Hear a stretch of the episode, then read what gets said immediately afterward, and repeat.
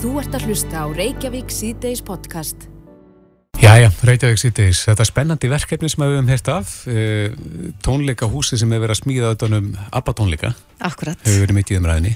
Já, og þessi tækni sem þarna verður notuð. Já, þau verður ekki sjálf á sviðinu heldur verður svona heilmyndir. Já, og mér skilst að það sé búið að vera svona kortleggja þau bara frá, frá sko já, bara síðan þau voru Eurovision held ég Já. bara allar hreyfingar og hvernig þau hreyfðu sig á myndirnar og, og, og svo er búin til svona almynd Mhm. eða hologram eins og það heitir á ennsku Þannig að þau koma vantilega þá til með að eldast á sviðinu. Já, mér skilst það Já, það ekki ekki. og við höfum auðvitað séð þessa, þessa tækni nota áður, við höfum nú oft talað um hérna mm, í American Idol þegar Celine Dion steig á stokk á Elvis Presley Nei, það var frábært og svo kom Tupac Shakur rapparinn fyrir á, á Coachella tónlistarháttíðinu held ég fyrir ekkert svo mörgum árum síðan og það var svona í fyrsta skipt og þá var við ný tónlist sem hafði aldrei litið dagsins ljós en, en. Tupac virtist vera á sviðinu Já, og söng og söng, og rappaði. akkurat Já. þetta er magnað En e, til þess að gæjast aðeins inn í þessa tækni erum við komin í samband við Snæbjörn Ingólfsson, hann er sérfræðingur hjá Origo, sæl. Sælblössuð. Ég veit ekki hvort það sé eins með þig en, en ég sá þessa tækni fyrst í, í Star Wars mynd á sínum tíma. Já, þetta er faktist, segja, þetta er alveg eldgömmel hugmynd allavega og, Mhm. og, og hérna, við erum að færast nær því að þetta verði raunverulegt eins og í, í Star Wars sko og mögulega eins og það er verið að byggja stóra höllan í kringum þetta hefðum í ABBA. Mm Það getur vel verið að með tíu og tíma þá þurfum við ekki sér hallir, þetta verði bara einfaldi myndvarpar og við getum notað þetta í hölpu sko. Þetta er, einhverju sagt að þetta sé nú bara voðlega þægilegt fyrir ABBA uh, liðana fjóra að, að já, taka þetta upp í raun og það er búin til þessi heilmynd og svo setja þau bara heim í stofu og fólk fyrir að tónleika með þeim. Já, Já, já, akkurat, bara að tella peninga. Akkurat. Já, já, já, þetta er náttúrulega, og það er sem verið að þróa líka í teimslu með þetta, er hérna, eh, þessi, þessi heilmynd og tækni er í brálæri þróun með alls konar gelvigrindar viðbútum og fleira og hérna, þannig að þetta er allt annað hérna, umfang núna heldur en var. Við þau að rýsa í Presley og Tupac, þetta var svona pínu korni og, og svona kom ekki alveg, maður sá alveg augljós að þetta var heilmynd. En mögulega verður þetta talsvert flottara, hvað er það að tala um 150 myndavelar sem er að nota, eða myndvarpærin sem er að varpa þessu upp til að ná þessu öllu. en hver- hver er, á, á hvað er varpað? Sko þetta eru ykkur geislar sem að uh, kasta hann, ég kann ekki nákvæmlega eðlisfræðina að það hvað, ger, hvað þetta er, hvort að það sé bara í loftinu eða eitthvað í loftinu sem að safna saman eða geislar brotna sem að, sem að veldur þessu. Ég er ekki alveg, alveg sérfæðingu þar sko, hva- hvað nákvæmlega það er. En, en, en svo er bara að vera, eins og sagði á hann, vera bætt inn í þetta alls konar gerfugrænda pælingum og við sjáum bara hvað hérna búið að gera eins og með HoloLens frá Microsoft og fleira og margt af þessu VR og augmented reality sem búið að tala um hefur búið að vera svona þessi skref í þessari þróun að gera þetta í rauninni meira basic og menn eru svona að sjá það fyrir þess að reynan ekkert allt og langs tíma þá getur við jafnvel kalla fram svona bara heilmynd bara með símónum okkar á einhverjum tímapunkti sko. Mm en, og það er akkurat máli eins og talar um VR þess, þess svona eins og þessi gleru sem maður hefur séð oft að þetta er alltaf verða miklu aðgengilegra. Já, þetta er að verða aðgengilega og meðan þetta er, þú þarfst að setja á einhvern stóran hjálm með að gleru og það er líka að, að að segja, ruggla svolítið svona þessum skinnfærum okkar. Fólk verður sjóveikt með þessa hjálma eða, jafnvægis skinnið brenglast og fleira. Þannig að mann er að finna akkurat þessa leiði hvernig geta nýtt þetta betur og á aðgengilega hátt þannig að sem flesti geti nýtt sér þetta og það þurfi ekki að byggja heila höll í kringu svona viðbyrði. En það er svo, svo líka í rauninni er gaman að þau skuli verða að ríða á vaði með þetta sjó á þennan hátt því að það er líka búið að tala um það í mörg ár sem að eins og við höfum kannski rætt einhvern tíðan störu framtíðar og hvað er að fara að breytast að skemmtana yðnaðurinn er allur undir þarna sem dæmi sko. Heldur að þetta geti ítt af stað ykkur stærri skriðu? Já, alveg, alveg pottétt. Já, þetta hefnast vel. Já, ekkert langt að þetta búið upp á einhverja presleitónleika eða, eða bílarnir koma saman aftur, sko. Mm Það er ekki, það er ekki ólíklegt, sko. Ætla þetta sé það framtíðin bara í, í skemmtanahaldi? Já, ég alveg bara klárlega á því að þetta mun, mun hérna, hafa mik mikil áhrif að þá þróun, sko. Já, En að því hún nefndir hérna glerugun á þann, þrývitaglerugun, það var nú talað um þessi Google glerugu sem áttu nú að koma markað, er eitthvað frétta af þeim? Sko þau komu á markað, voru í einhver tíma en, en var parkerað, síðan er einhver aðeins að koma og gera þetta eh, núna á svipaðan hátt sko. Og þetta, þegar ég held að það er bara verið undan svolítið samtímanum sko, að því maður hefur séð kynningamöndan hjá þessum tæknirísum mm. þeir eru með hérna, rannsóknarstofna sína fullar af einhverju búnaði sem að og þeir segja bara, mann kynni bara ekki tilbúið fyrir þetta sko. Já, það er bara svolítið Þannig að þetta býður handan við hotnið Já, ég, og þetta er mjög snjált sko, þú ert komið með fullt af þessari virkni í launin í myndavælinaðin í símanum og það er svona þessi viðbætti veruleiki þannig að þú getur þá er þetta einhver staðstatur og ég úti að þá getur þú hendt upp símanum og þá getur hann skannað og sagt hvert út að fara, komið örvar hérna í, í í, í, í leðsugutækjum í símanum. Mm -hmm. til að lappa nokkur veitingastað eða eitthvað. Eða hvert út að fara til þess að finna þennan og þennan hlut sko. Já, akkurat. Þannig að, þannig að fullt af þessari tækni sem að kom með þessum Google glerugum eru bara komin default inn í þetta andröði stímkerfi þannig að þú þurftur ekki að vera með einhver kjánaleg glerugu til þess að ná þessu. Já, einmitt. Sko. Þannig að þessi þróun er bara flegi ferð og, og er bara gríðarlega spennandi að, að sjá hvernig þetta lukkast hjá þeim og, og, og svo upp á, upp á framtíðina sko. Já, ætlað þú að kaupa miða og ABBA tónleika í London? Sko, ég, ég var mjög ánæður hérna þegar ég holði okkur tónleika með Bubba Mortens og hann var að tala um hérna ABBA, ég sagði ég á svona átt í samhæljan í þessu, ég hef aldrei verið ABBA, hann har aldrei skilið þetta en, en ég ásamt í einhverju svona love-hate sambandi við þetta sumt fyrir mig flott og sumt fyrir mig alveg glata sko en jú, allir, ef, mað, ef mann ekki aðvist færa því að hérna, hvað væri gaman að sjá þetta bara líka upp á þessa tækni. Já, þú er á á tækninni kannski meira heldur en ABBA. Miklu með það Já, ekkurat Já, kæra þakkir fyrir þetta. Snæpjörn Níkolsson, sérfræðingur hjá Oregon. Það er spurning hvort að við stjallum okkur saman á tónleikana. Það er ég til það. Takk.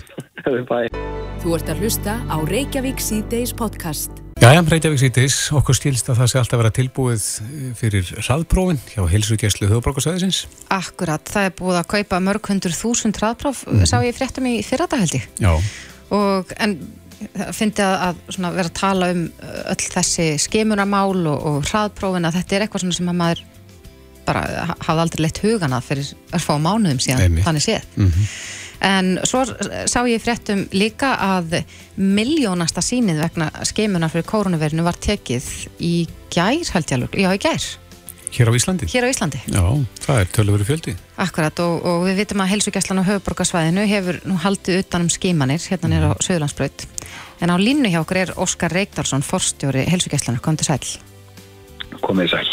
Já, miljón síni vegna COVID-19 tekin hér á landi. Þetta já, var, var haldin einhver fögnuður út af þessa miljónasta síni?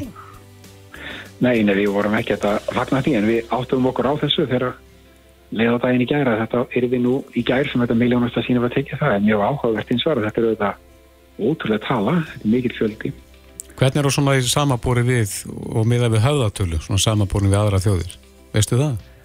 Nei, ég er ekki með það en ég held að við séum svona frekarduglega, það verið alveg frá upphafi með okkar vinnureglur en það er auðvitað núna þannig út í heima að það er mikið um svona sjálfspróf og, og svo hraðgreiningapróf sem fólk er að taka sjálf mm -hmm. þannig að það getur eða verið að þeir síðan á okkur en, en þetta er frekar mikið hef ég trú á Akkurat, en nú hafið þið sett upp aðstöðu til þess að framkvæma þessi hraðpróf sem er búið að tala mikið um undanfarið eftir nýjustu reglugjörna frá heilbreyðsráþara eh, er, er þetta komið í gagnið? Er þið byrjuð að framkvæma hraðpróf? Já, það er dagurinn í dag og við erum að byrja á þessum sem er í smittgátt sem eru svona, voru soldið útsettir fyrir COVID en ekki mikið. Mm -hmm. Er það stór hópur? Þeir, já, þetta eru nokkur, ég er nú ekki alveg með þörlunar í dag en það má alveg búist því að það verði nokkuð mikið um það að fólk lendir í þessar smittgátt og til að tryggja nú að reyna að greina þá sem hafa smittast þá er mjög skynsamlegt að þeir mæti þessi hraðgreiningapróf vegna þess að þau eru næjanlega öðru til þess að draga úr því að fólk sé að smýta aðra. Já, en þessi hraðgreiningapróf sem að þið eru með, er, þetta bara svona eh, próf eins og sjálfsprófin sem að fólk er að kaupa út í apotekki? Það er ekkit ósvipa og tækninu við rannsóknum er mjög svipu eins og það er sína takan er svo afgerandi. Það er svo mikilvægt að maður nái góðu síni þar að segja að sé á réttum stað þar sem að veiran raunverulega er í kokinu og aftur í hálsinum. Mm -hmm. En það er bara mjög erfitt að taka svona sín úr sjálfum sér því að maður þarf að pora svolítið langt inn og það, það er ekkert svona mjög fristandi. Nei, nú eru í bóði hérna próf á Íslandi það sem að þarf ekki pinna heldur munvatn og ég held að fólk verða að sætja það svolítið aftur í kótið, svona rákan til þess að hérna að eiga gott síni er það nóg?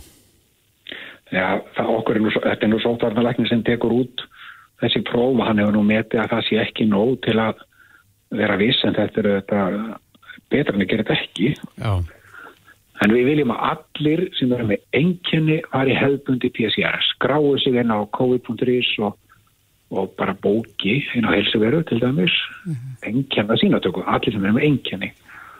En við erum meira svona í þeim sem ekki eru með enginni og eru að fara til dæmis á viðburði sem eru mannmarkir og svona þar sem að smit, sko líkunar á þessi smittar er ekkert mjög miklar. Mm -hmm.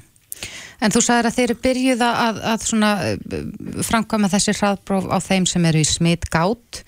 Hvenar geta þeir sem ætla að skella sér í leikús til dæmis eða á, á svona stóra viðburði farið í hraðbróf hjá ykkur?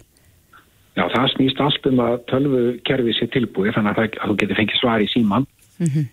Um niðurstöðuna og það er það sem við erum að pröfukera að er nánast tilbúið en við munum reikna með að pröfukera á 50 daginn og setja það í gang þá þannig að fyrstu dagurinn á að vera örugur. Já, nefnitt. En Óskar, aðeins að, að öðrum svona kvillin sem er að ganga, við erum ekki laus við bara hefðbundið kvef sem er það ekki algengt á þessum ástíma? Jú, jú, og flestir sem eru með einkenni sem að þið gætu verið COVID er í raun bara með venilegt kvef. Já, þannig að fólk þarf ekki að fara á taugum þó að það byrja að leka eins og nefnu. Nei, nei, og það er um að gera mæta bara taka bara síni og vera örugum með það, þá er maður eins og örugur hægt að vera. Já, mm -hmm. er ekki sniðugt ef maður er með eitthvað smá, eitthvað slen eða, eða kvef að taka þetta sjálfspróf heima og mæta síðan í PCR ef það kemur jákvægt út? Sko, ef, ef það var með einkenni þá borgar sér að fara beint í PCR og það er svona almennu ráðin, það langu örugasta leiðin. Mm -hmm. Þannig að, og það á við um alla aldursópa? Það á við um alla aldursópa, en auðvitað eru, sko, best er PCR, næst best er hraðgreiningapróf og síst eru þau próf sem maður gerir sjálfur af því að það byggir fyrst og fremst á því að sínatakkan er þannig að, eða þú veist að maður það er erfitt að gera það sjálfur sér.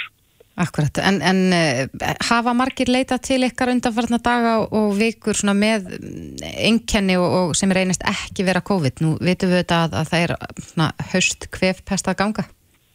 Já, já, lang flesti sem koma er ekki með COVID, við erum að tala um 95 til 97% af þeim sem eru með engin er ekki með COVID.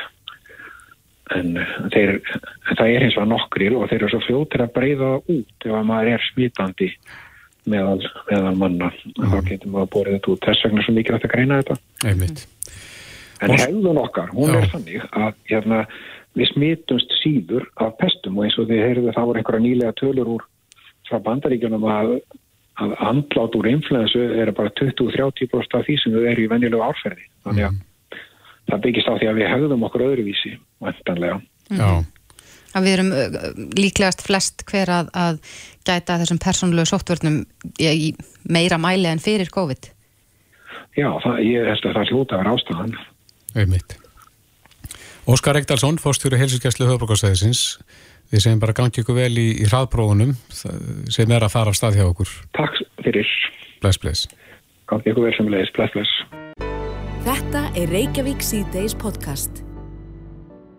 Reykjavík C-Days á bylgjunni heldur áfram. Uh, undanfarna daga og vikur hefur mikið verið rætt um uh, málefni KSI mm -hmm. og uh, já, ég raun og veru bara um, um sko ofbeldi sem slíkt, bæði kynferðslegt og ekki og um, ja, það hafa auðvitað allir skoðun á málum mm -hmm. um, í fyrradagvirti hæstarættalögumæður uh, Sigurður G. Guðjónsson færsla á Facebook þar sem að hann ja, byrti lauruglskíslu úr máli Þórildar Gíðu sem að stegi fram í Kastljósa fyrir ekki svo lengur síðan.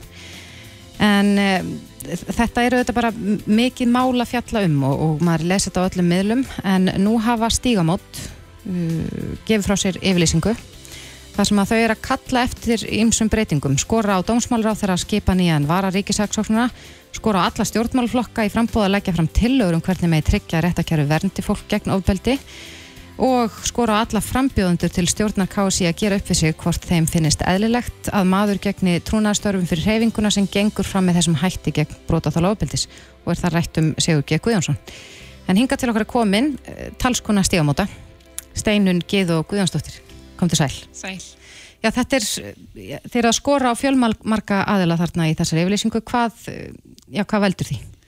Já, það er nú kannski bara vegna þess að þetta mál allt saman hefur nú teikt ánga sína víða. En e, við erum kannski mest meginn að leggja áherslu þarna á réttarkerfið. Af því það er nú oft tala um það sem svona þungamiðju í, í því að, að sækja réttlæti fyrir brotaþóla. En þróunin hefur einhver meginn verið á þann veg að, að réttakerfið er líka notað til þess að þakka niður í brotaþólum, um, til þess að hræða þá. Og, Hvernig þá? Um, til dæmis, sko, fyrir það fyrsta þá hérna er náttúrulega megnið af til dæmis naukunumálum fælt niður í, hérna, í réttakerfinu, þannig að þau komast aldrei inn í dómsál. Þetta er yfir 70% mála, þau komast ekki fyrir dómara vegna þess að þau eru fælt niður vegna skort og sönnunagögnum. Um, við erum með, uh, það er áttakonur núna hjá mannreitnumdómstól Evrópu uh, ymmit út af þessu vegna þess að þær telja að málinn sín hafa ekki verið nægilega vel skoðuð og ekki verið nægilega mikið uh, nægilega vel litið til sönnunagagna sem þó lágu fyrir þeirra málum. Þannig að, að það eru svona bara, það er svona kerfisbundin vandi þarna einhvert að, að málinn er ekki nægilega vel skoðuð. Síðan er náttúrulega konur að lenda í því að fá á sig að þeim er ógnað með sem sagt kærum um hérna uh, rángar sakagiftir. Mm -hmm. uh, þannig að, og sumar hafa fengið á sig kærur um rángar sakagiftir þó ymmið þegar málinn er fælt niður. Þannig að, að þá allt í hennu verða þær að þeim sem að uh, beitur ofbeldinu í staðan fyrir að vera brotaþólinn og jafnframt náttúrulega eru þess að meðirðakærur út um allt. Það er alltaf svo ógn sem að stendur sem að svona vofir yfir brotaþólum ef það er voga sér að, að segja frá, segja upphátt hver beittaður ofbeldi og svo framvegis. Þannig að, að hérna bæði réttakerfið uh, kemur ekki með réttlæti fyrir brotaþóla og síðan er það ymmit notað til þess að, að, að nýða þá enn frekar mm -hmm. og í þessu tilfelli þá snýrst þetta um það að, að þarna í þessu tilfelli þá er þetta lögmaður sem er auðvitað þá partur af þessu kerfi hann starfa sem lögmaður og, og hérna byrtir lögurgluskíslur sem er líka partur af réttavöslu kerfinu okkar og þannig að þá velta brótaþóla fyrir sér nú býtu er þetta nýja veruleikin þegar það búið að fella málun mín nýður á ég þá vonaði að gerandin byrti lögurgluskíslutum mínar ofinberlega er það allt í lægi? Mm -hmm. og hérna þannig að, að okkur fannst mikilvægt að setja þetta í þetta samingi að þetta er ekki bara einhver ein, einstakur atbyrður um eitthvað eitt einstakt mál þetta er partur af stærra samfélagslegu vand, stærra vandamáli þar sem að réttakerfið bregst brótaþólum og beinlínis vinnur gegn þeim í sumum mm tilfellum. En uh, hvað, ef, ef við þurftum nú að finna bara svona einhvern einn stað þar sem helsta breytingin þurfti að eiga sér stað til þess að, að, já, að réttakerfið væri bara þólenda vætna mm. og tæki betur á móti þólendum, mm -hmm. hvar þurfum við að byrja? Sko, hérna, það eru auðvitað þarf að gera breytingar á mörgum stöðum. Þetta verður ekki lagað með einni breytingu á einhverjum einum stað. Mm -hmm. um, auðvitað eins og við höfum verið að, að hérna, leggja áherslu á þarf að bæta rannsóknir og lauruglu og það er gert með meiri mannskap og meiri, hérna, meiri fjármagni.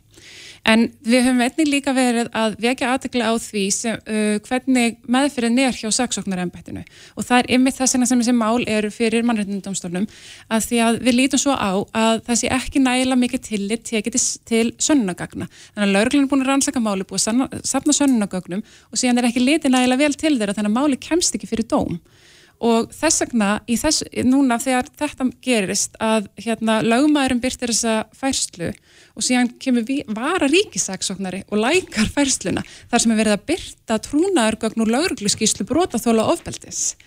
Um, og þá, þá veldur maður fyrir sér, wow, þetta er eitthvað meira heldur en bara að kynferðsbrót séu svona erfið viðfangs ef að vara ríkisaksóknar finnst allt í lægi að, að hérna neðurlæja og, og ræja brotaþóla ofbeldis á ofnbjörnum vettvangi með því að vísa í lauruglugögn. Mm -hmm. Og eitt af e, því sem að þið kalli eftir er að dómsmálaráþra skipin í hann varar ríkisaksóknara og, og Ásla Arna Sjóbjörnsdóttir svaraði þessu nú á MBL hún að sýttegist þar sem hún segir að henni þykir mjög vafasamt að vara ríkisaksóknara að vera að tjási með þeim hætti sem hann hefur gert á samfélagsmiðlum nú nýlega og hann megi fóð gagni fyrir það en að hún sé þó ekki bær til þess að, að víkjónum úr starfi Nei, einmitt. Alltaf skulum við lenda á einhverjum kerfæslegum hindrunum við það að, að koma fólki frá sem hefur skadalegu viðþorf gegn brotaþólum ofbildis. Ég, ég skal ekki segja nákvæmlega hvernig reglurnar eru um skipan í ennbætti. En, en hérna því þú spyrir mig hvað þarf að gera í réttakerfinu, kannski er eitt af því að við þurfum að passa okkur þegar við erum að skipa fólk í efstu stöður í réttakerfinu að, að þetta sé ekki fólk sem að sé með þau viðþorf að, að sagt, að brotaþólar ljúi. Heldur það sé gerlegt? Gerlegt? Mm, já, ég held að sé nefnilega fullt af fólki þarna úti sem er með mentun og reynslu og sem að, sem að hefur hérna, sem hefur skoðað þessi mál og, og vil taka sér þessi störf. Já, ég held að það sé gerlegt. Mm -hmm. En þið gaggrínið meðferð þessara mála fyrir í réttástu kerfinu. Veistu hvernig þetta er í nákvæmlega löndónum? Um, já, sko að einhverju leiti, ég þekki það einhverju leiti, uh, til dæmis eitt af því sem við höfum verið að berjast fyrir undanfærið er það að brotaþóli verði aðili að málinu, mm -hmm. eins og staðanir í dag þá er þess að uh, brotaþóli nöðgunar er til að mynda bara vittni í, í málinu og hefur sem sagt ekki formlega aðkomi. Þetta er til dæmis öðruvísi á sumum Norðurlandana þar sem þau eru beinir aðilar að málunum og hafa þess að aðganga gögnum og öðru sem að skiptir þau máli í ferlinu þannig að vissulega getur við lært mjög margt af ferlinu eins og það er sérstaklega á Norðurlöndunum að því þar er rétt að kerfið að mörguleiti svipað og okkar. Eru fleiri mál sem að rata fyrir dóm þar heldur en hér? Mm, ég veit nú reyndar ekki hvernig það er. Ég held að niðurfellingar hlutvalli sé hátt uh, á langflestum stöðum. Mm -hmm. En stígamót, þið hafið starfað í, í fjölmörg ál og, og hjálpað uh, mjög mörgum þólendum og nú, nú er já, einhverjir hópar sem tala um sko, fjárkúun af ykkar hálfuga hvert KSI og, og, og fleira hvernig bregðist þið við slíkun ásökunum? Um, mér finnst þetta aðalega að fyndið mér finnst, hérna, mér finnst við, ég, veist, það er alltaf að fyndið þegar fólk ætlar stígamótum svona mikið vald að við höfum, hérna, getum, já, ráðið ímsu til að mynda hverju spil í landsliðinu og höfum getið til að fjárkú og svo framvegis, en auðvitað finnst mér þetta líka sorglegt og hérna, ég hef svo sem ekkert meira um það að segja, mm. um, þú veist, þannig að, hérna, já, ég held bara að... Ekki svararvert kannski? Nei, mér finnst það ekki. Mm -hmm.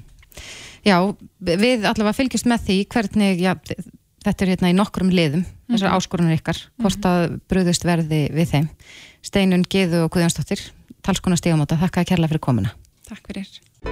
Reykjavík síðdeis á Bilginni podcast Reykjavík síðdeis, við hefum nú í gegnum þennan faraldur talað svolítið um uh, mótefnamælingar. Já, og við gerum það kannski mest hérna áðurina að byrja að vara bólusetja já, mest alla þjóðuna. Nei mitt. En það setur sér sambandi okkur hlustandi eða þættinum hefur borist bref eins og svo er kallað eh, það sem hefur verið að velta fyrir sér mótefna mælingum og brefriðarinn sagði að vinkona sín hafi farið í mótefna mælingu og fengið upp töluna 250 mm -hmm.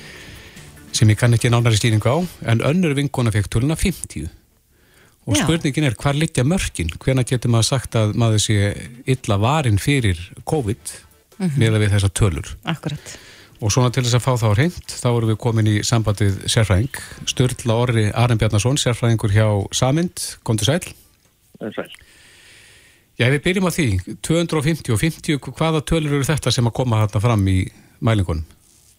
Já, þetta þýðir reynd að báðir aðilar eru að mynda eh, mótefni gegn brottbrótinni veirunar og ættu því runni báðir að vera alveg þokkala vel varðir. Mhm. Mm En er þetta að segja það að, að við eitthvað ákveðna tölu að þá sé vörnin ekki nægilega góð?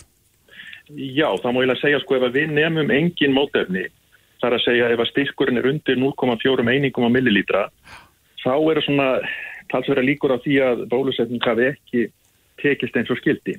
Já. Þannig að uh, það verður þá að vera undir þessari tölu til þess að, að það, það sé lítil vörn. Já í raun, í raun að veru.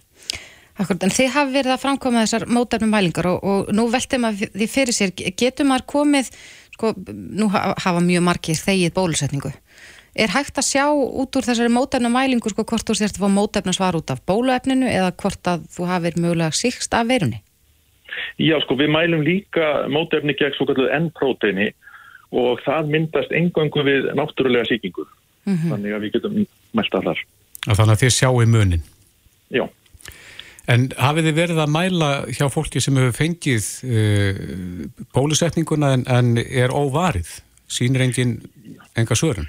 Já, það eru þess, þeir einstaklingar sko, sem er ónæmisfælandi meðferð. Það er dálítið hluti þeirra sem er að mælast undir 0,4 meiningum á millilitra hjá okkur. Já, veistu hvað er gert í slíkum tilfellum?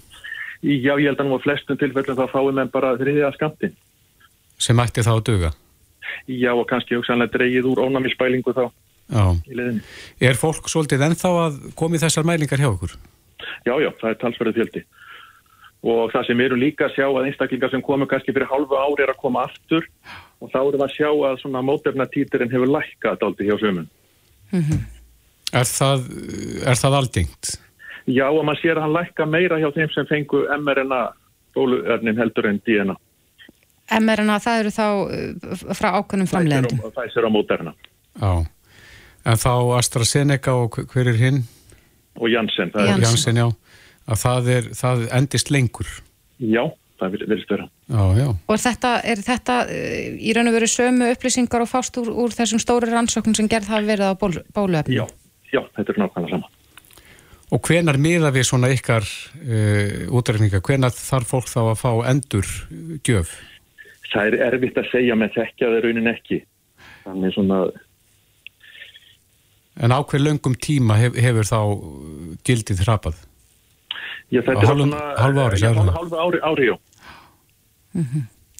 Já, en, en eins og segir að þá er fólk enn að leita til ykkar og, og fara í mótefnumælingu. Er, er fólk þá bara almennt að veltaði fyrir sig hvort að það já, sé með nægileg mótefni eftir bólusetningu eða er fólk forvitað að vita hvort það hafi já, mögulega fengið COVID? Já, það er vinni bæði, en sennilega fleiri núna sem eru að koma eftir bólusetningu. Mm -hmm. Akkurat. Stöld Orri Arne Bjarnason, sérfræðingur í ónæmisfræði hjá Samind. Kæra þakki fyrir þetta. Takk samanleðis. Reykjavík síðdeis á bylginni. Yfirrið okkar, yfir eh, stefnumál flokkana heldur áfram, formennir og fullur á flokkana að vera að koma til okkar. Akkurat, þetta eru tíu flokkar, mm -hmm. þannig að þetta tekur sinn tíma. En eh, nú er komið að flokki fólksins og hún Inga Sæland, formaður flokks fólksins, er komin til okkar, kom til sæl. Já, komið sæl. Já, segðu okkur nú, hvað er svona efst á ykkar lista yfir, yfir svona áherslur? Það er að brjóta múra og bæta kjörinn. Og hvernig ætlaði að gera það? Við viljum að hækka lámas framfæsli 350.000 krónu skatt og skenningalust. Úr? Já, sko, núna eru í rauninni e, þeir sem eru á berstripum almantrygginga greiðslum. Þeir eru að fótborga svona í kringum 260.000 krónur. Mm -hmm. Kjaragliðnunin hefur vaksið slikt og þvílitt síðan uh, ráni mikla 2008 að það er farið að muna núna um uh, rétt um 100.000 krónum á uh, legstu launum og uh, þessari berstripu framfæslu hjá almanatryggingum. Hvað kostar þetta? Svona, er þetta stór hópur? Já, okkar ágætti fjármálaráður að við nú meina að hann sé nú ekki mjög stór uh, þannig að við höfum nú ítrekka ég og minn góði hérna, flokksbróðir og, og samverkamæður í þinginu Guðmundur Ingi marg spurt að því út af hverju sé þá ekki búið að bæta kjör þessa hóps En já, þetta eru, þetta eru ansi, ansi margir, þetta eru ansi margir. Þetta Hvað er þetta háu uppæð þá sem að... Það er allir við sem ekki að tala um, uh, ef við náum þessu, það er í kringum 110 miljardar króna. Mm -hmm. Þá erum við líka að tala um sko ekki bara 350 skonu skatta og skenningalöst, heldur kannski svona meira og minna lofvörð flóks fólksins. Já, en þetta hlýtur líka því það, ég tekju skerðing fyrir ríkisjóð. Er þið með einhverja tilögur að því hvernig hægt væri að bæta það upp? Já, já, við erum með marga tilögur. Við til dæmis hefðum ekki samþýtt að eins og þessi ríkistjórn að vera búin að lækka innkomu í ríkisjóðum ríflega 11 miljardar bara með því að lækka veðugjöldin úr 7, eitthvað hérna, miljardum í, í rúma 4,7 eins og starrendin er núna. Það er líka búið að lækka bankaskattin úr ríflega 15 miljardum í 11 miljardar. Eh, við teljum að bankandi standi nú bara það ágætlega að við að uh, þeim var í lóa lægið að greiða inn í samfélagið okkar uh, þessi gjöld uh, þannig erum við með ríflega 11 miljardar bara sem er búið að rýra tekjur ríkisjós bara með svona einu pennastriki eins og virðist vera hér í þessari ótrúlegri ótrúlegu sér hagsmuna gæslu sem að maður hefur hort upp á svo grímulust núna á þessu kjörtímabili að ég verð nú að segja það sem þingmaður í á mínu kjört, fyrsta kjörtímabili er, er eiginlega gjössanlega rasandi bit, ég hefði aldrei trúa að þetta væri svona, en, en það er samt sem aður svona. Mm. Nú þess að 350 krónu þegar fólk er að tala um, ég var nú að lesa til dæmis í stundinni í morgun, það var mjög aðdegli verðt þar sem að Bjarni hefði verið spurður út í þetta Guðmundi Inga hvað kostnæðurinn eriði við það að, að hérna og þá saði hann einfallega við að koma uh, persónafslættinum þannig upp að allir myndi fá 350 skrúnar lámark. Það er náttúrulega bara ekki það sem við erum að tala um, alls ekki. Við erum ekki að tala um það að, að hækka persónafslátt fyrir mig eða þá sem eru á ofurlaunum. Við erum ekki að tala um að nýta kerfið okkar fyrir fólk sem eru á ofurlaunum heldur þvert á móti, að taka persónafsláttin af þeim sem hafa raunverulega ekki nöðsilega með hann að gera eins og ég og mínir líkar. Mm -hmm. og færa það til fólksins sem hefur það bátt út í samfélaginu. Og það að ítrekkað að múra fólk inni í þessari ramgerðu fátaktagildru er í rauninni okkur, ekki bara þjóðaskömm fyrir okkur heldur ennþá meiri skömm í ljósi þess að við erum einn tíu, tíu, tíundar ríkasta þjóð uh, í heimi við erum að horfa upp á það núna eins og í vetur og í COVID-in og annars líkt að það hafa bara lengst til byggðaðir fátagst fólks fyrir utan hjálpastofnanir að byggja mat. Mm -hmm. þetta er í rauninni sárara en tárumtæki. Þannig að við segjum ef að það að uh, koma fátakasta fólkinu til hjálpar ef að það er að sökka þjóðaskútunni þá erum við illastöld við segjum forgarsraða fjármunum fyrir fólki fyrst. Það er flokku fólksins og það munum við alltaf gera. Mm -hmm. Þið taliðum hér í, í svona ykkar málefna skrá uh, sem ég fletti nú bara upp á vefsíðinu okkar að þið ætla að útrýma bygglistum við hefum mikið verið að tala um bygglista í tengslu við heilbreyðskerfið á fjölmörgum stöðum. Um, hvernig vil ég gera það? Það er í rauninni marga leiðir eh, til þess til þess að nálgast nákvæmlega það verkefni. Og við getum hort upp á hvernig þróun hefur verið inn í heilbríðiskerfinu þar sem er verið að færa í raun og, raun og veru uh, sjálfstæð verkefni frá uh, sveitafélagunum út á landi þar sem er verið að loka fullbúnum skurðstofum og, og alls konar þjónustu sem hægt var að, að veita í heimabegð það er verið að færa þessa þjónustu hér inn á landsbítala háskólasjúkrás Eh, við erum líka að horfa upp á uh, þennan svo kallega útskrifta vanda ég vil nú alls ekki kalla það hérna, hvað kalla það nú aftur frá frálæðisvandi, mér finnst það svo ljótt uh, hugtak, ég segi bara þessi útskrifta vandi er búin að vera í fanginu á, á þessari ríkistjórn og þessum heilbreyðisar á þeirra allt kjörtumabili, það er núna vel og annað hundrað eldri borgarar sem eru reynlega uh, bundni fastir inn á landsbytala háskólasjókrási í dýrustu legurýmum og úrræðum sem umgetur bara þó við að vera leitað hér út um alland þá er þetta dýrasta, dýrasta úrræðið. Þannig að það náttúrulega verður að byrja á því að losa um uh, þennan flöskuháls. Við verðum að vera með bú, búsetu úrræði fyrir fólki okkar. Það er lámasvirðing sem við getum sínt fólkin okkar. Það er að koma til mótsviðau og, og hjálpa þeim að koma í öruga og góða búsetu. Þannig að Eh, til dæmis eh, ef við tölum um það sem ég byrjaði á að segja um til dæmis eh, hvernig er búið að loka skurstofum og fullbúnum fullbúinni aðstöðu út um land, Söðorkróki, Vestmannegjum mm -hmm. Söðurlandi Sándi Jósefarin öllum, öllum er, er sko stímað hérna inn á landsbytala háskólasjúkrás, skiptir engum máli hvort það heiti COVID, heimsfaraldur eða annað, það er bara allir í að koma hingað konur er að koma frá vestmannum til að fæða börni sín hér og annars líkt eh, og hefðu öruglega miklu frekar vilja fá að gera það heima.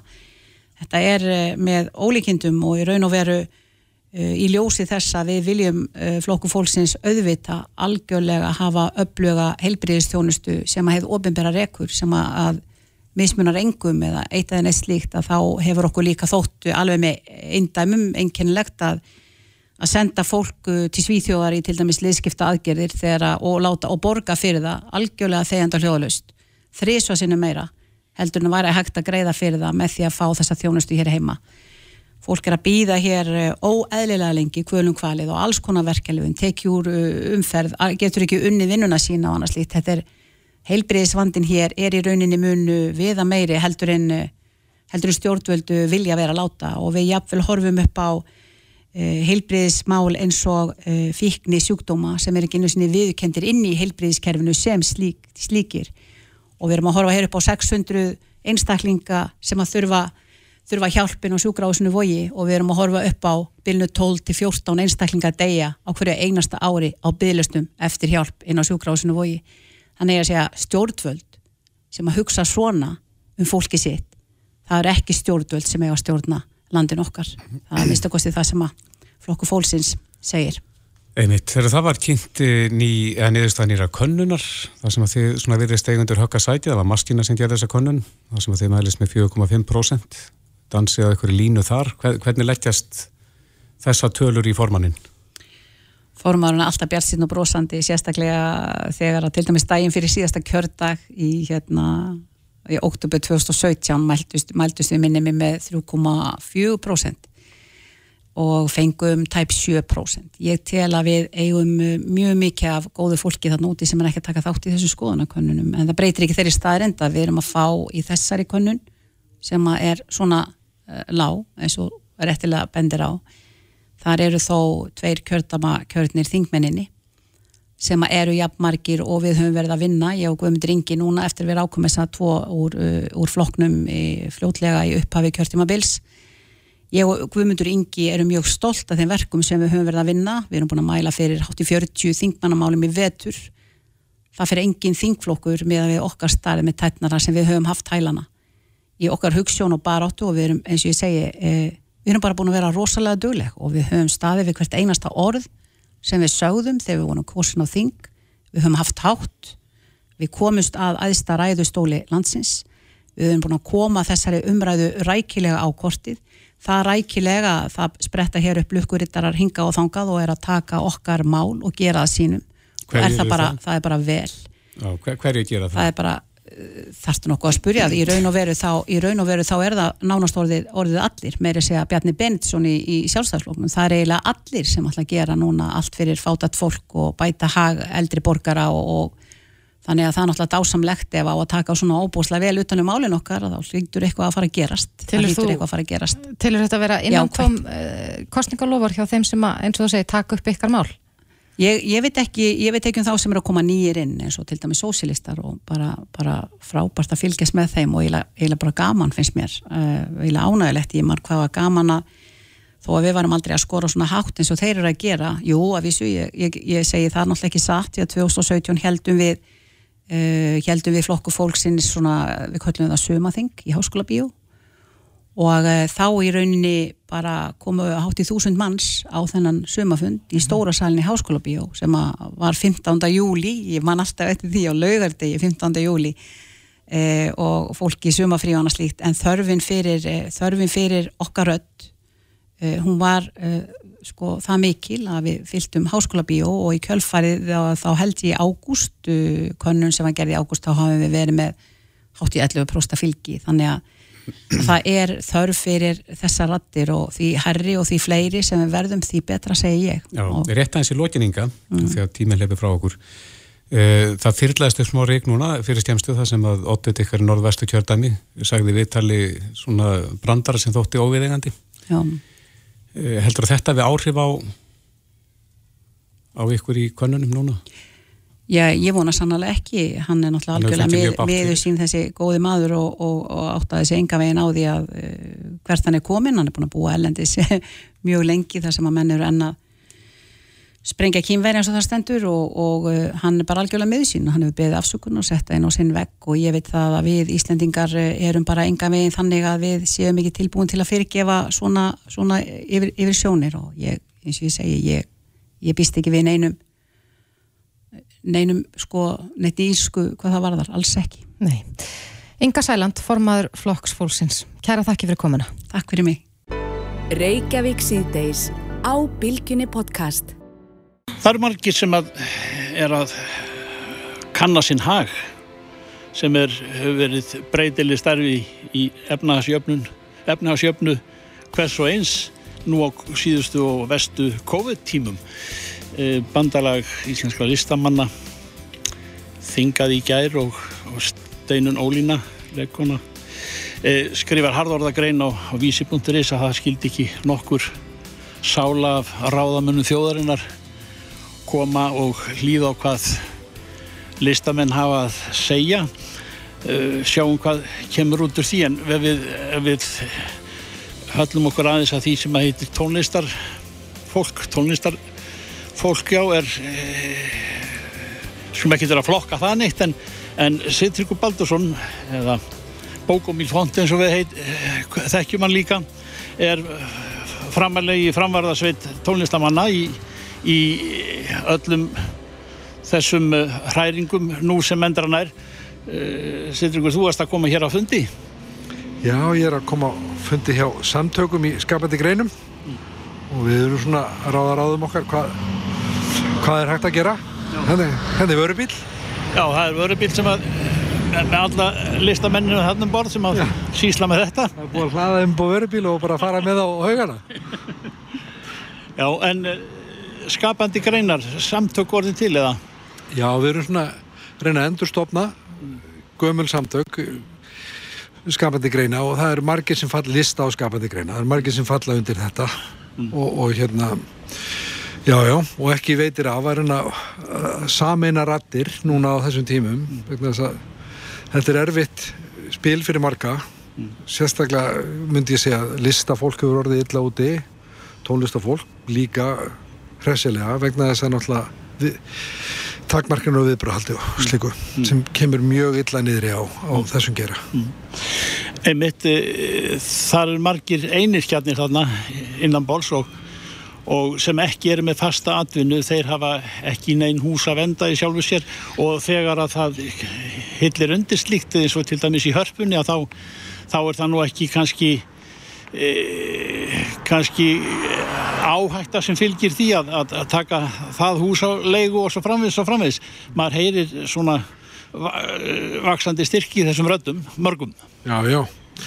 Þetta er erfitt umhverfi og vandin er sá að sko umhverfið í kringum tónlistina er ekkit mjög sveigjanlegt og að tónlistafólk sjálf sé reynda mjög sveigjanlegt og alltaf rosalega fljóta að koma tilbaka þegar að fer nú að opnast fyrir tónleikahald og annað slíkt sko um, þýrt að vera meiri, sveigjanleik í umhverfinu, það er alveg rétt kring, kringum okkur ég er bara hrættur við sko, það að verða brottkvarf eða eins og við köllum hérna já, breindrein í, greininni sko og, og það er bara, já, það eru margir sem eru að hverfa, eins og maður sér, að hverfa til andra að starfa og annað slíkt en og þetta er að sönnu mjög erfið staða og erfi, erfitt að eiga við hana mm. Mm -hmm. og spurning hvað er til ráða sko mm. og ég meina stjórnvöld komu með tekjufallstyrki inn í inn í batterið, er margir sem passa illa inn í þetta og margir í mitt í tónlistageiranum margt tónlistafólk er starfandi sem tónlistafólk stundum uh, sem hlutastarf, stundum með fullustarfi og passar oft illa inn í þau boks sem sem umhverfið býður upp á. Mm.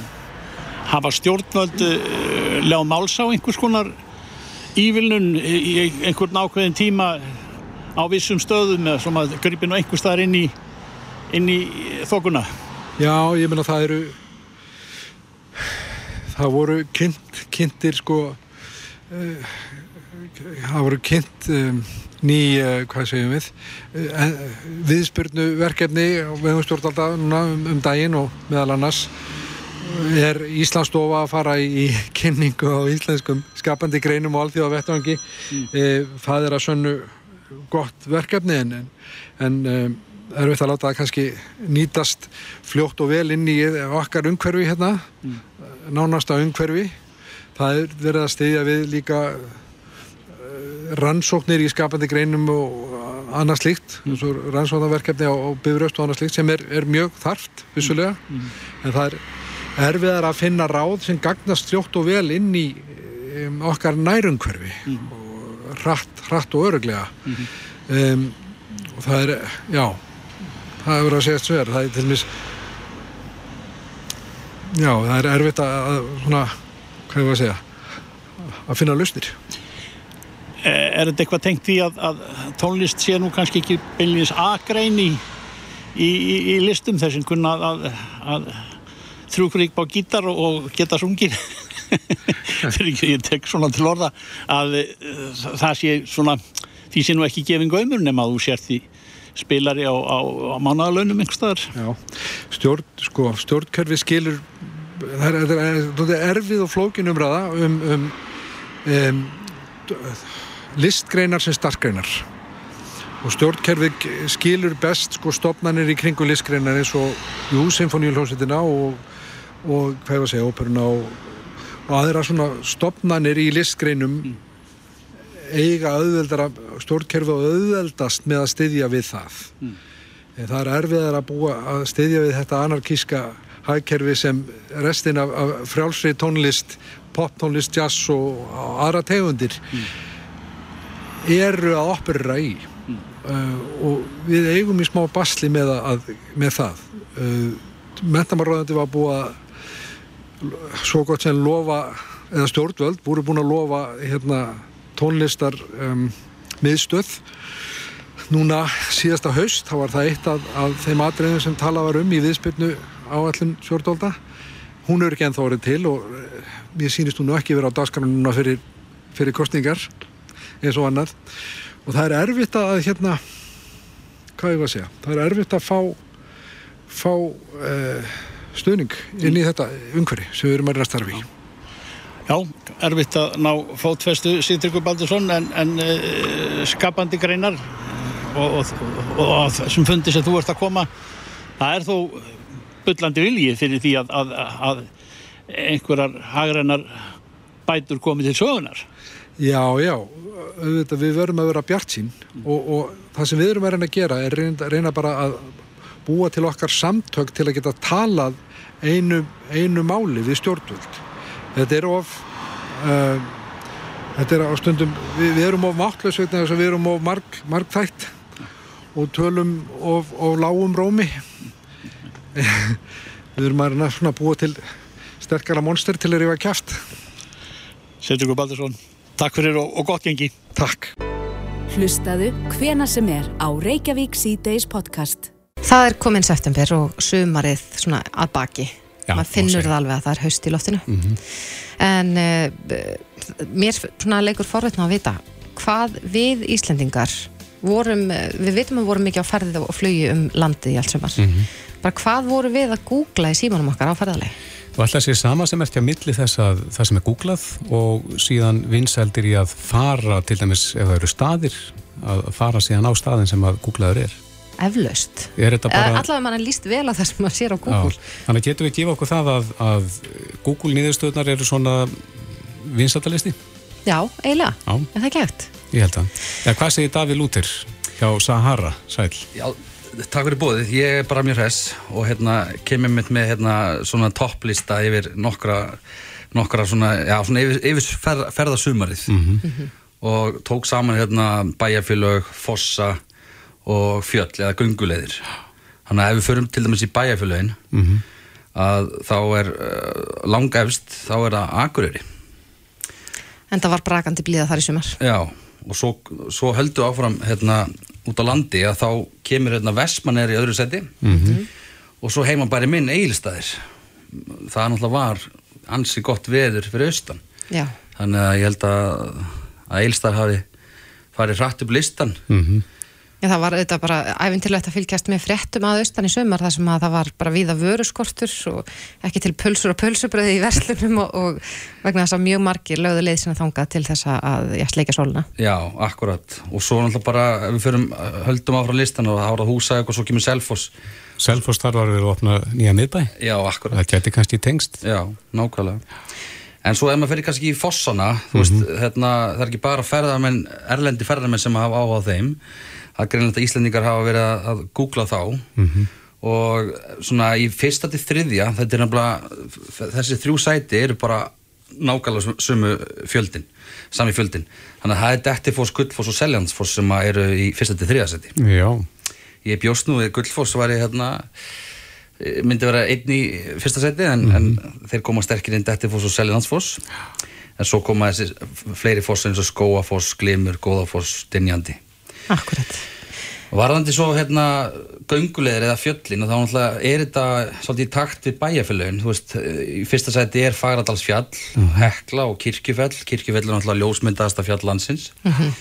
Og svo kemur Kjærleikafjall en svo kemur Stórurð sem er náttúrulega uh, við Borgafjörð Eistra og Borgafjörð Eistri var þarna í sjönda sæti yfir bæjarfélagin, þannig að fólk er greinlega duglegt að nota leitafélagina Google Mhm. áður en leggur á stað hvað er að gerast í bæjarfélagin til dæmis?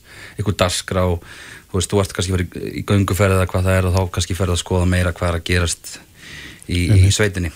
En ég sé það hér eins og Akureyri það er fyrsta sæti yfir sko, mest googluðu bæjarfélögin af okkur Íslendingum. Og þetta eru meðalfjöldi leita eru eitthvað tæplega 10.000 Mhm. þetta lítur ekki að teljast mikið svona í stóra samhenginu. Nei, nei, nei, þetta er bara við Íslandingarnir að, að hérna, leita en ferðamenn náttúrulega nota þetta gríðlega mikið, þú veist, þegar þeir eru að koma til landsins og þá eru þeir með miklu fleiri niðurstöður. Mhm. Það er mikil munur. En hérna fjöll og göngulegir, ég sé það að Instagram stjarnar þessa ás er ekki þarna á listan. Er? Grænir ykkur. Já, meinar. Landmannalögur. og svo sé ég að Instagram Foss þessa árs eins og við heyrðum hér í viðtali í sumar sem heitir held ég þarna ja, hún er við kirkjubæklaustur stjórnarfoss hann er Já. ekki heldur þarna Nei, þetta er eitthvað. Kannski eru erlendi ferðamennir bara að googla þetta en ekki við Íslandingarnir. Gæti verið. Við rötum bara. nákvæmlega en þetta er áhugavert og, og ja, þetta sýnir mann alveg svona smá hvert leið fólks lá Já, heldur betur algjörlega, við allan lesum út úr þessu og, og svo náttúrulega bara breytist þetta mjög mikið núna í vetur, þú veist það náttúrulega bara er minnum ferðamannin Íslandingin út á landi og svona hann að það var áhverð að sjá hvað gerist í vetur. Mhm. en, en svo ákvæði taka smá lista líka bara að því það er að koma kostningar Já. Þetta er búið að vera pólitíð sumar. heldur betur, Mhm. já, já, já. En þú tókst, tókst eh, saman fyrir okkur sko pólitíkusana bæði fólkið og flokkana. Já, ég tók og það. yfir hvaða tímabil? Það var núna í sumar. Mhm. Og svona, eða svona, já, bara í sumar aðdrandar kostningana að, að sjálfstæðarflokkurinn uh, er uh, hæstur hérna í að leita nafn, nafninu sjálfstæðarflokkurinn uh, þeir eru helmingi með fleiri, helmingi fleiri orð en, en leitir en samfélgin Mhm. og, og það sem samfélgin er öðru seti þá kemur svo miðflokkurinn í þriðja. Og, og svo kemur framsókn viðreist, sósialistarflokkurinn píratar, vinstegræn og flokkur fólksins Já, í þessari röð. Þannig að fæ, fæstir voru raun að slá inn þá flokk fólksins og flestir sjálfstæðarflokki. Já. tölverðu munur þar á milli sem sagt í, í, í, já, fjölda Já, heldur betur og, og já, ég menna, þú veist, sjálfstæðarflokkurinn var sleginin næst, já, 2000, yfir 2000 sinnum en flokkur fólksins sem er, situr á, á, á botninum er í, í 419 leitum. En svo ef við kíkjum á listan yfir fólki þá kannski kemur ekki óvart að fyrstu þrjú sætin eru ráþerar Nákvæmlega. í ríkistjórn. Nákvæmlega, það er sem sagt Áslögu Arna er á toppnum en, en Bjarni Bin og Katrin er að skipta með sér öðru og þriðasendi og, og Svandi Svavas í fjóruða og Brynjar Nílsson í fymta Mhm.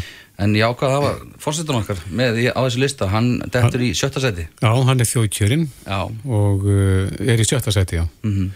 Og svo koma þarna á eftir uh, ráþeirar. Já, það er Lilja Alfreds og svo kemur Ásmundur Einar Sigmundur Davíð kemur svo og Helga Vala Mhm. í tíunda Já. Þannig að það er mikill munur á, á tíunda set og fyrsta í leitum það er alveg ansi há prósenda þar á milli En er eitthvað hægt að lesa úr þessu tölum? Er þetta að spá í spilinum hva, hvernig kostningarnar fara eða, Ég held, þetta sé bara fólk sem er eh, já, umtalaðar en annað? ég held það, þetta er bara fjöldi kannski hérna fréttaflutnings og, og hvað eru oft og hvað mörg málið eru með og, og svo bara líka, þú veist, þetta tengist allt samfélagsmiðlu líka, þau eru sem mjög dugleg, Áslega Arnar á toppnum og hún er rosalega dugleg á samfélagsmiðlum má eiga það og, og Bjarni að leika sér í hoppukastala og þú veist, hann, þau búið það til líka sko. Það voru líka prófdjur uh, í sumar sem að kannski tengjast þessari leitaneyðstöðu. Nákvæmlega, nákvæmlega. Og svo er hægt, sko, við, hérna, þið fjöllið aðeins um aðeins daginn, að þá var, hérna, settu við inn á okkar vefsíðu sjálf, hérna, í Sahara, mm Mhm. sahara.is skástir í kostningar, þar sem við vildum prófa að, að taka allar tölur sambandi við auglýsingar, eh, hvað flokkar er að eyða í auglýsingar á samfélagsmiðlum. Einmitt, hefur það breyst? Já, það hefur breyst eh, mjög mikið. Ég hveit allar til þess að fara, ég er ekki með tölunum akkur sem fram með núna, Ég nefnilega, ég var að, ég gæti ekki sopnað í gæri og þá fór ég að skoða þetta Já. eins og maður gerir þegar maður getur ekki sopnað á kvöldin en uh, það var mjög áhugavert að sjá munin á sko niðurstöðunum þegar að við tölum um þetta var það ekki síðustu viku, til maður snemma í síðustu viku þegar þetta fór í loftið og svo núna vegna þess að þá var staðan allavega þannig að flokkur fólksins hafi verið að var með flestar mm auglýsingar í byrtingu en nú hefur, já viðreist svo sannarlega tekið fram úr öllu. Já, bara núna um helgina. Já, bætt vel í. Já, heldur betur. Og svo hérna rættu það líka í viðtalinn þegar Siggi var hérna hjá okkur að pírata voru ekki komin á stað. Þeir eru komin á stað núna. Já, þannig að það er allir að Þeir eru kveikja- allavega að kveikja skríða af stað. Já, þeir, menn, menn þurfa að fara að gefa svolítið í núna. já ég, ég myndi ekki vilja vera þú veist, í, að fara í kostningar og ekki láta vita mér á samfélagsmiðlum. Nei, en, en hins vegar er þetta kostnæður við auglýsingar mismunandi millir flokka og, og samkvæmt þessum nýjustu tölum frá ykkur að þá er uh, sá flokkur sem er að eyða minnst síðastlega sjö daga í auglýsingar er akkurat píratar sem hafa eitt 393 krónum Já, hvort ég meira nefnir. Býtu í hvað, hvað fer sá peningur? Eh, Líklegast eitthvað, eitthvað Facebook-færslur Já, ég þekki nú ekki Já. kostnæður Hvað svo 300 krónur? 393 krónur Já, þeir hafa náðu kannski til veist, tvö- 200 manns eða eitthvað Er- þá uppað? kannski, eitthvað þannig En heldur að við munum sjá þetta stóru aukast á, núna eru tæpar þrjár vikur í kostningar Já. Og, og maður sér auðvitað að umræðan er orðin miklu meiri í kringum flokkana og fólkið að þetta muni já, aukast. Já, mikið. Þetta verður mjög spennandi að sjá. Það verður hérna það verður rauði mælar á, á, á skástri kostningar eh, vefsíðun okkar. Þannig að ég veit bara að flokkarnir eru allir eh, bara að starta vilja núna. Þannig að þetta verður eh, hérna, mjög áhvert sömu flokkar eru konum með hvað síndist mér hérna í gæði sko þetta þrjú- 30-40 auglýsingar virkar og þá er þetta þannig að þau kannski eru með eina auglýsingu á eilistöðum og eina á Ísafyrði og fjórar í Garðabæ og Já, ekki sömu stíla på þar. Nei, nei, þetta er allt markapa greint og þannig að Þetta er magnað, Daví Lúti Sigursson, eigandi Sahara, auðlýsingastofuna. Kæra þætti fyrir þetta. Takk fyrir Þetta er Reykjavík C-Days podcast. Einhvern veginn hefur verið á tilfinninguna að eh, hlutinni gangi ekki alveg eins fyrir sig á fastegnamarkaði og, og ætla mætti. Eh, hér talar ekki eh, sérfræðingur í fastegnaviðskiptum en, en til þess að, að rýna aðeins í þetta þá hef ég hérna gengið til fundar við Pál Heiðar Pálsson sem er fastegnasali og, og þekktur fyrir skörulega flutning á máli sínu er varðar þennan markað sem er nú oft hvað segja svona eh, ildur ásýndar þar að segja svo- svolítið aldur gangur í þessum bransa en, en hva, hvað veldur því að það eru, það eru aðeins 620 íbúðir eh, fáanlegar keftar eða sem sagt til sölu nú á, á árinu 2021 um haust og eh, 1750 fyrir ári síðan. Hefur e- eitthvað komið fyrir eða hvað? Þegar við tölum um höfuborgarsvæðið Nei, þetta er eh, sko komið fyrir, já, fyrir mér er þetta bara hálfgeitt slis í raun og veru vegna þess að ég man ekki eftir svona litlu frambóð eins og stendur. Að sjá 600-700 eignir auglistaninn á netinu í dag meira sé að voru að tala um fyrir ári síðan þó það væri 1750 eignir á markaðanum á þeim tíma þá var samt íbúðaskortur. En við þurfum alltaf að sjá svona um kannski 2500-3000 eignir inn á markaðanum á sama tíma. Við þurfum að sjá 6 til 800 nýbyggingar á sama tíma til þess að markaðan haldi bara svona eðlilegu ástandi. En uh, þetta er mjög sérstök staða, ég skal við ekki að það og það lítur ekkit út fyrir að það sé að fara að skána. Já, þar, þar, þar likur hundurinn grafin við nefnum hér töluna 620 íbúið til sölu og 1750 sambarileg tala fyrir ári. Þetta er sem gerst á mjög skömmun tíma. Hafa menn eh, sofið á verðinum þar að segja e, fram á menn í sveitafélagunum einhverjum borginni eða, e, eða hvað, maður svona áttar sig ekki á því af hverju þessi staði komin upp nú Já, sko salan er gríðarlega mikilvæg þessu ári. Við erum að horfa á það að hún er um uh, 6.000 stegnir það sem aðver ári og við erum að tala um rúmlega 4.000 stegnir á sama tími fyrra og ég- held að menn hafa ekki átt að segja því að þetta væri eftirspurnin. Uh, ég vil meina það að 80% af ástæðinni er bara það að það er ekki byggt nóg. Það er ekki að koma nógu mikið nýbyggingum inn á markaðin. Hinn 20% skelli á það er raun og veru að laun hafa jú hækkað. Laun hafa hækkað um einhver um, tæp 8% á síðustu 12 mánuðum.